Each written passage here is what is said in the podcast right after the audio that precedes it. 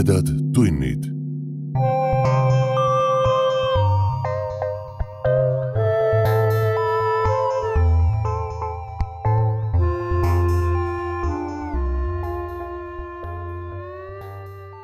tere, hea ulmesõber. sa hakkad kuulama õudus- ja ulmejutu vestmis podcasti Tumedad tunnid suvise järjejutu kolmandat osa. mina olen saatejuht Priit Ööbel. kui sattusid siia juhuslikult, siis mine esimese osa juurde tagasi ja kuula, kuidas lugu alguse sai. ma loen teile kolmanda osa Veiko Pelialsi ulmejutust Surnud mehe käsi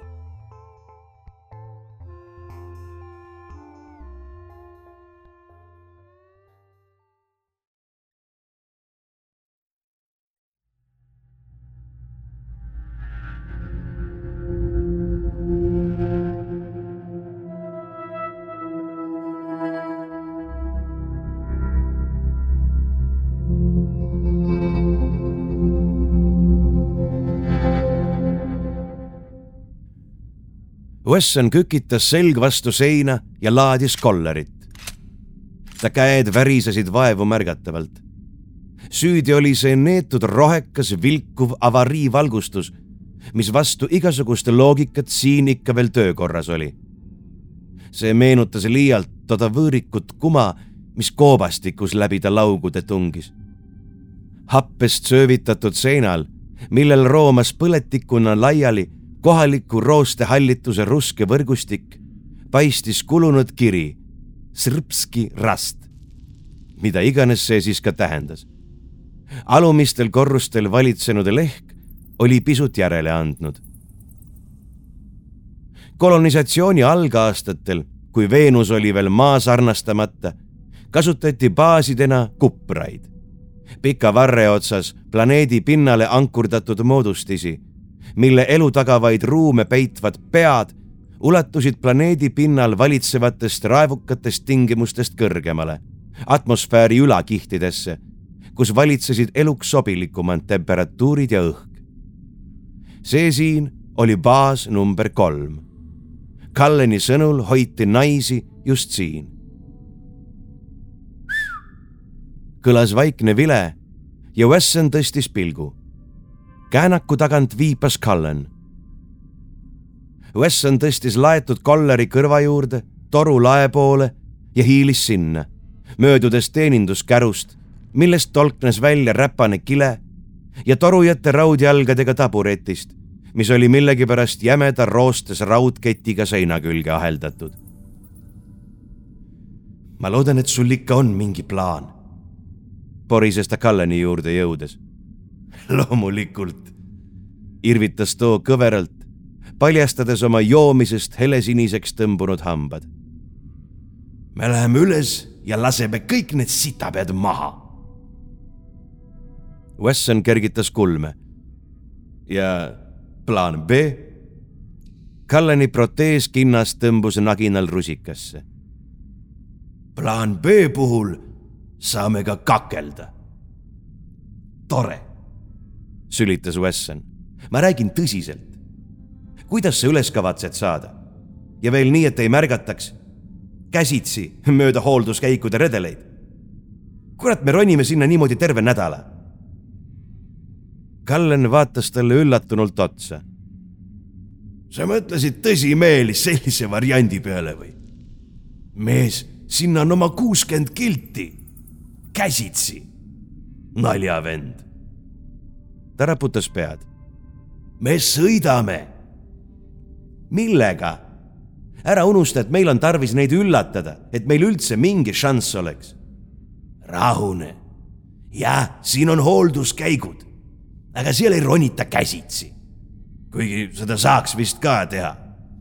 seal on autonoomsed moodulid, mis sõidavad haardrataste abil mööda seintesse ehitatud haakelatte Need ei toitu üldisest süsteemist ega allu keskjuhtimisele. Nad ei saa teada, et me tuleme. ütle parem, miks sa nii kindel oled, et pantvange selle möllu peale lihtsalt maha ei lööda? liiga palju on kaalul. Wesson polnud seni ainsalegi hingele rääkinud, mida ta teadis. aga ta võis rääkida, mida ta arvas. talle kangastusid taas rohekalt kiirgavad tornid. Sõnnil on mind tarvis. mul on tunne, et see, mis teda huvitab, võib olla seotud tohutu, piiramatu energiavaruga. kujutad sa ette, mida selle abil korda võiks saata? Kallen noogutas pikkamisi. sõnn oli omal ajal kõige lootustandvam teadlane, keda Veenusel nähtud, pomises ta tahad sa öelda, et ta suudaks planeedi elamiskõlbulikuks teha, kui selle energiaallika kätte saaks? Wesson kehitas õlgu. võimalik. aga võimalik ka, et selle abil saaks ta terve planeedi lihtsalt oma käpa alla. jah, selliste panuste peale tasub mängida. kui sa just ei bluffi aga vaat seda ei ütle üks õige mängur kunagi, millal ta bluffib ja millal mitte. muigas Wesson kõveralt. Lähme, näita õige, kus su hooldusmoodulid on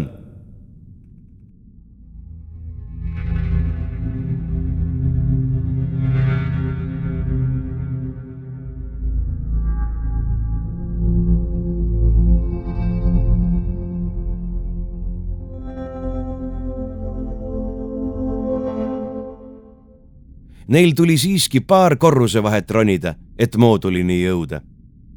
hooldusšaht oli täis tontlike liaanidena rippuvaid kaablipusasid, mida katsid mingid roosad tuustid.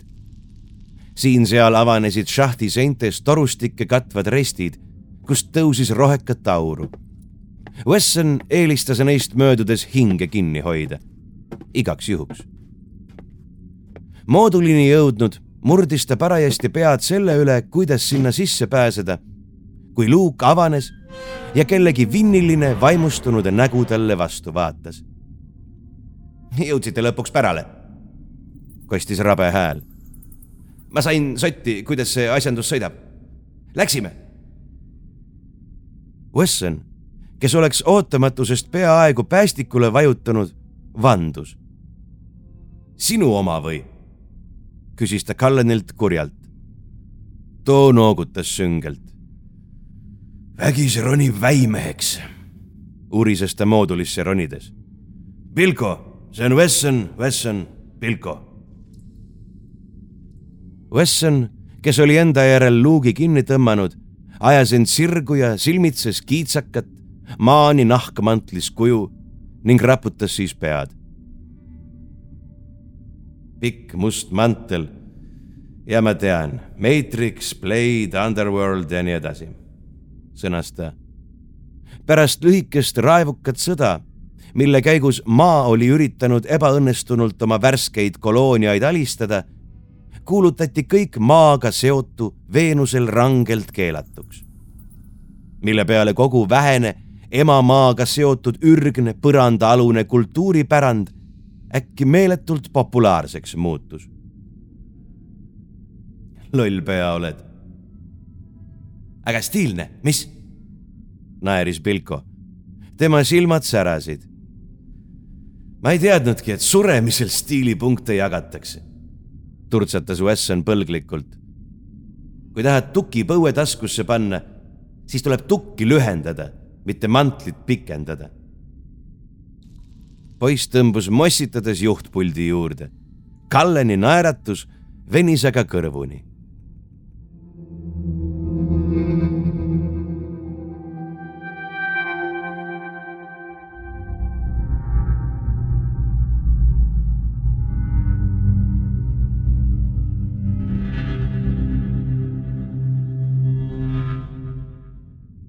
Nad hiilisid ettevaatlikult mööda seinaääri edasi juba mitmes elukorrus järjest oli täiesti tühi. lisaks olid baari alumise sektsiooni turvauksed avariirežiimil kinni. ustesse ehitatud mineraalsulamist määrdunud aknaid kattis seestpoolt vismuti härmatis. ilmselt oli korruse hermeetilisus kadunud, nii et sinna ei üritanudki nad siseneda. koridori seinte ääres vedelesid killud ja praht mis ikka veel toimivast ventilatsioonisüsteemist pärit puhangutes vaiksel sahinal kohta vahetas. mõlkis purk õõtsus küljelt küljele, tekitades heli, mis meenutas astumist. põles vaid mõni üksik lamp. niiskus kasvas, põrand oli lige ja monotoonne tiksumine andis teada, et kusagil olid happeline sudu, rooste ja hallitus torudest võitu saanud ja nad läbi närinud. Wesson valgustas koridori. see lõikis mustalt vastu. läikiv peegelpind võpatas korrapäraste vahede järel ja tilluke laine rullus üle tüüne musta pinna. tilk, tilk, tilk.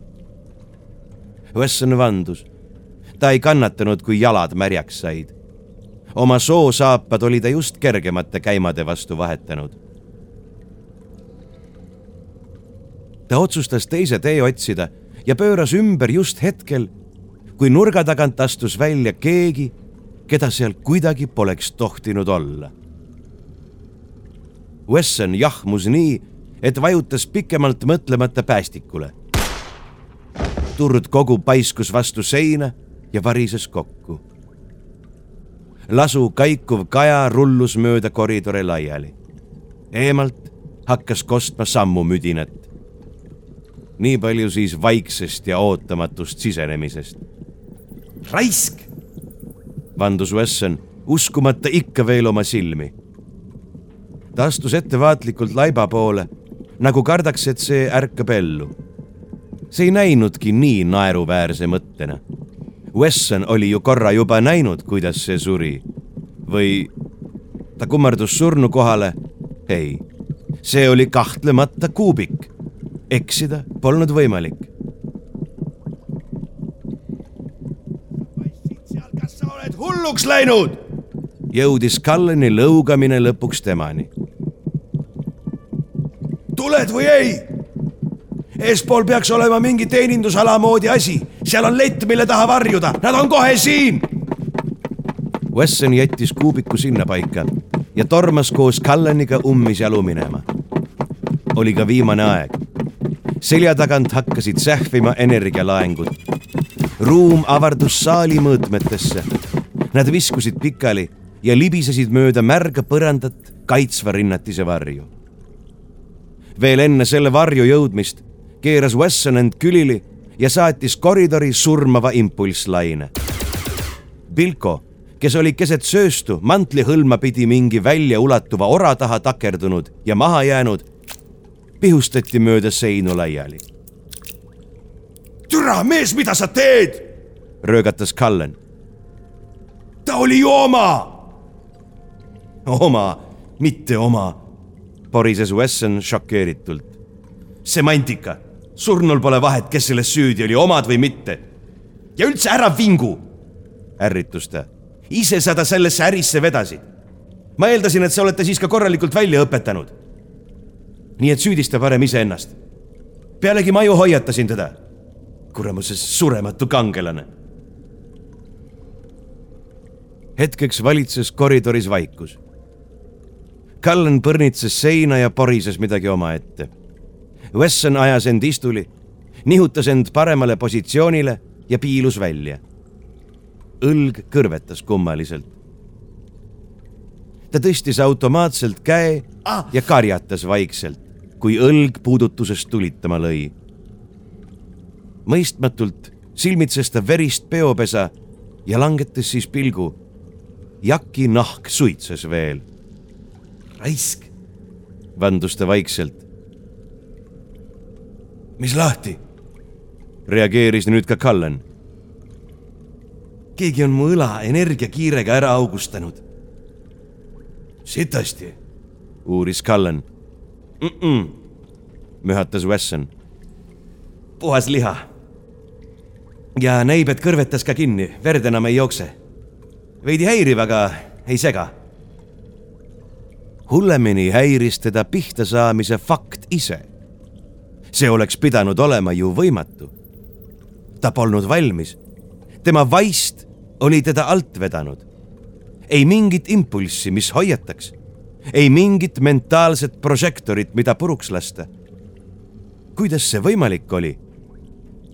Wesson värises. tema eksistentsi üks alustalasid ei kandnud. veel veidi ja ta langeb paanikasse, mõistis ta. mõtle, kamandas ta ennast. analüüsi, meenuta.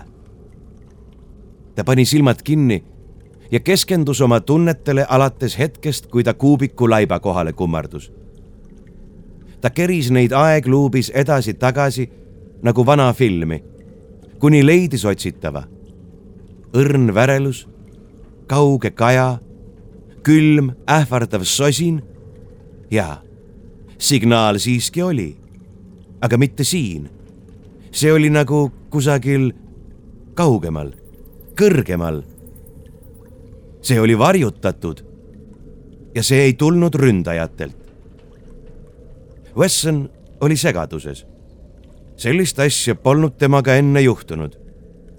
kurat, mis saab, kui ta oma võimest ilma jääb? temaga on kõik. ta oleks peaaegu maha maganud, kui ründajad ruumi tormasid. ja alles neid nähes tuli äkki mõistmine kergendus oli nii suur, et ta peaaegu naeris neid hävitades. mis, kurat? karjatas Cullen. tema häälest kostis paanika. androidid, vastas Wesson järjekordset kuubikut maha lastes. raisk, ma olen idioot. ma oleksin pidanud seda taipama. sõnn istub kusagil paar korrust kõrgemal ja koordineerib nende tegevust. Sellepärast ta nende impulsse ei tundnudki. seda, mida ei ole, ei saa ju ka tunda. androidid? Cullen heitis talle pilgu nagu hullule. Need on ju keelatud. kuidas sina siis seda selgitad? nookas Wesson peaga sissepääsu suunas, kust järjekordne kuubik sisse tormas. Cullen saatis sellele laengu silme vahele ja vandus. salakaubandus, küsis ta kähedalt maa. küllap vist, kehitas Wesson õlgu. räägitakse, et seal toodetakse neid tööstuslikul hulgal. näib, et sõnn on ühe partii endale ihukaitsjateks šmugeldanud. ruumis jäi vaikseks. rohkem kuubikuid ei ilmunud ja Wessonil oli lõpuks aega oma tundeid analüüsida. ta oli üsna kindel et suutis tulistamise ajal sõnnist lähtuva impulsi lokaliseerida. kuigi see oli kauge ja summutatud. kaks korrust, mitte rohkem. on su karabiinil lõikurrežiim peal? küsis ta Kallenilt. mis siis? päris too noogutades vastu. tule õige siia, kutsus Wesson peidust välja ronides. lõika lakke auk ja hoia kõrvale Cullen vaatas talle imestunult otsa, kuid ei küsinud midagi. tõstis vaikides relva, sihtis sinna, kuhu Wesson osutas ja vajutas päästikule. kui välja lõigatud tükk laest alla varises, astus Wesson pudenevast prügist välja tegemata otse avause alla ja läkitas üles purustava impulsi. kähku nüüd röögatas ta tolmust köhides. üles, enne kui seal toibutakse. Nad tormasid käike ja treppe mööda järgmisele korrusele. kaos, mis seal valitses, oli kohutav. ilmselt oli seal varem olnud mingi kontor. kõik kohad olid täis lööklaines väändunud ekraane ja plastipuru. lagi oli osaliselt sisse langenud ja Wesson sööstis selle kaldusjäänuseid mööda järgmisele korrusele. Cullen ähkides ning igas suunas tulistades kannu. mees, kui mu tütrega selle ilutulestiku tõttu midagi juhtunud on, kägistan ma su sinu enda soolikatega ära. kähistas ta Wessonile. Wesson ei teinud kuulmagi. ta lasi pilgul ringi käia, otsides istuvat sõnni aga ruum oli tühi. Polnud võimalik, et ta eksis. järelikult oli sõnn kusagil lähedal. ta oli lihtsalt õigel ajal ruumist lahkunud. otsi naised üles, hõikas ta Cullenile. ma tegelen sõnniga. Cullen noogutas ja kadus silmist. Wesson seadis relva paralüüsi peale ja hiilis purustatud ruumist välja.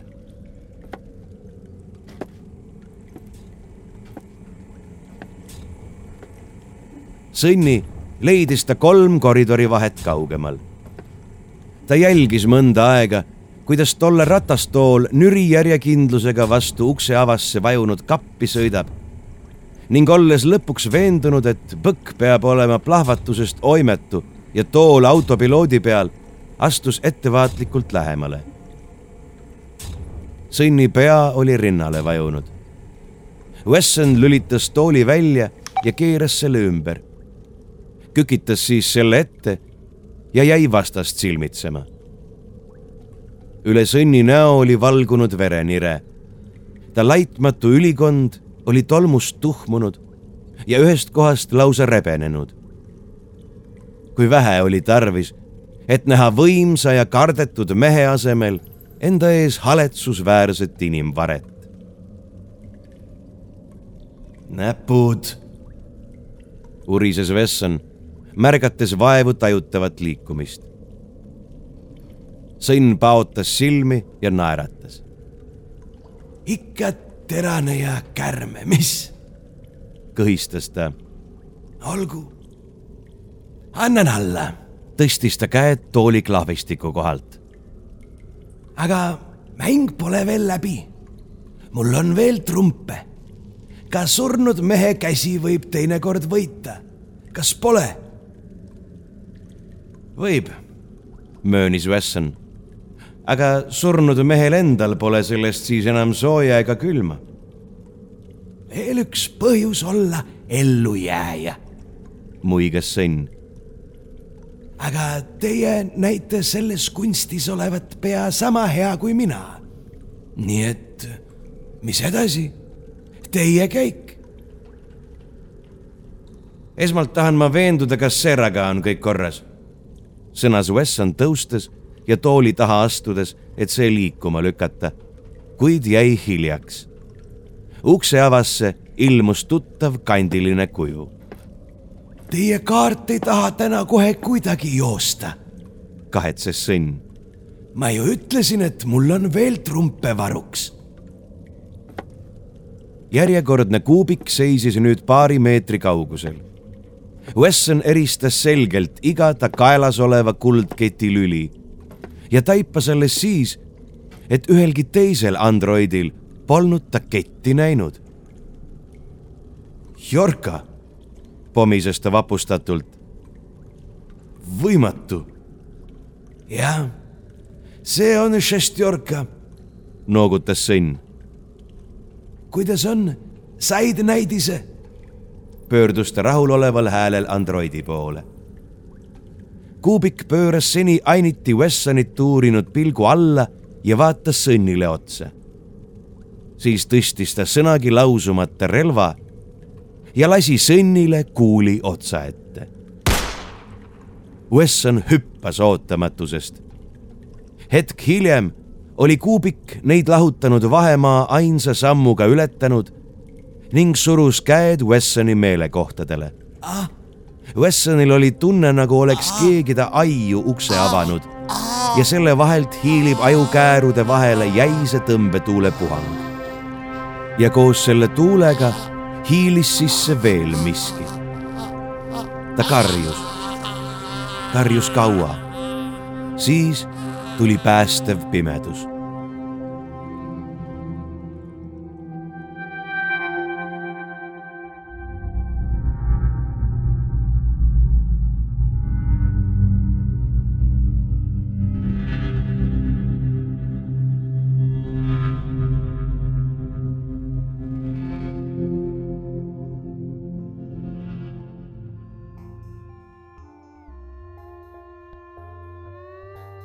Te kuulsite kolmandat osa Veiko Belialsi ulmejutust Surnud mehe käsi.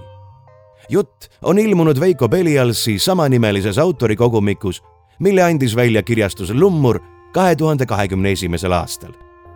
järgmine osa täpselt nädala pärast. kui aga jutt lõppes liiga põneva koha peal ja nädal aega kannatada ei jaksa, siis hakka meie toetajaks lehel patreon.com kaldkriips tumedad tunnid ja kuula tervet juttu algusest lõpuni juba praegu. seni jagage meid sotsiaalmeedias oma sõprade ja vaenlastega. kõhedate kuulmisteni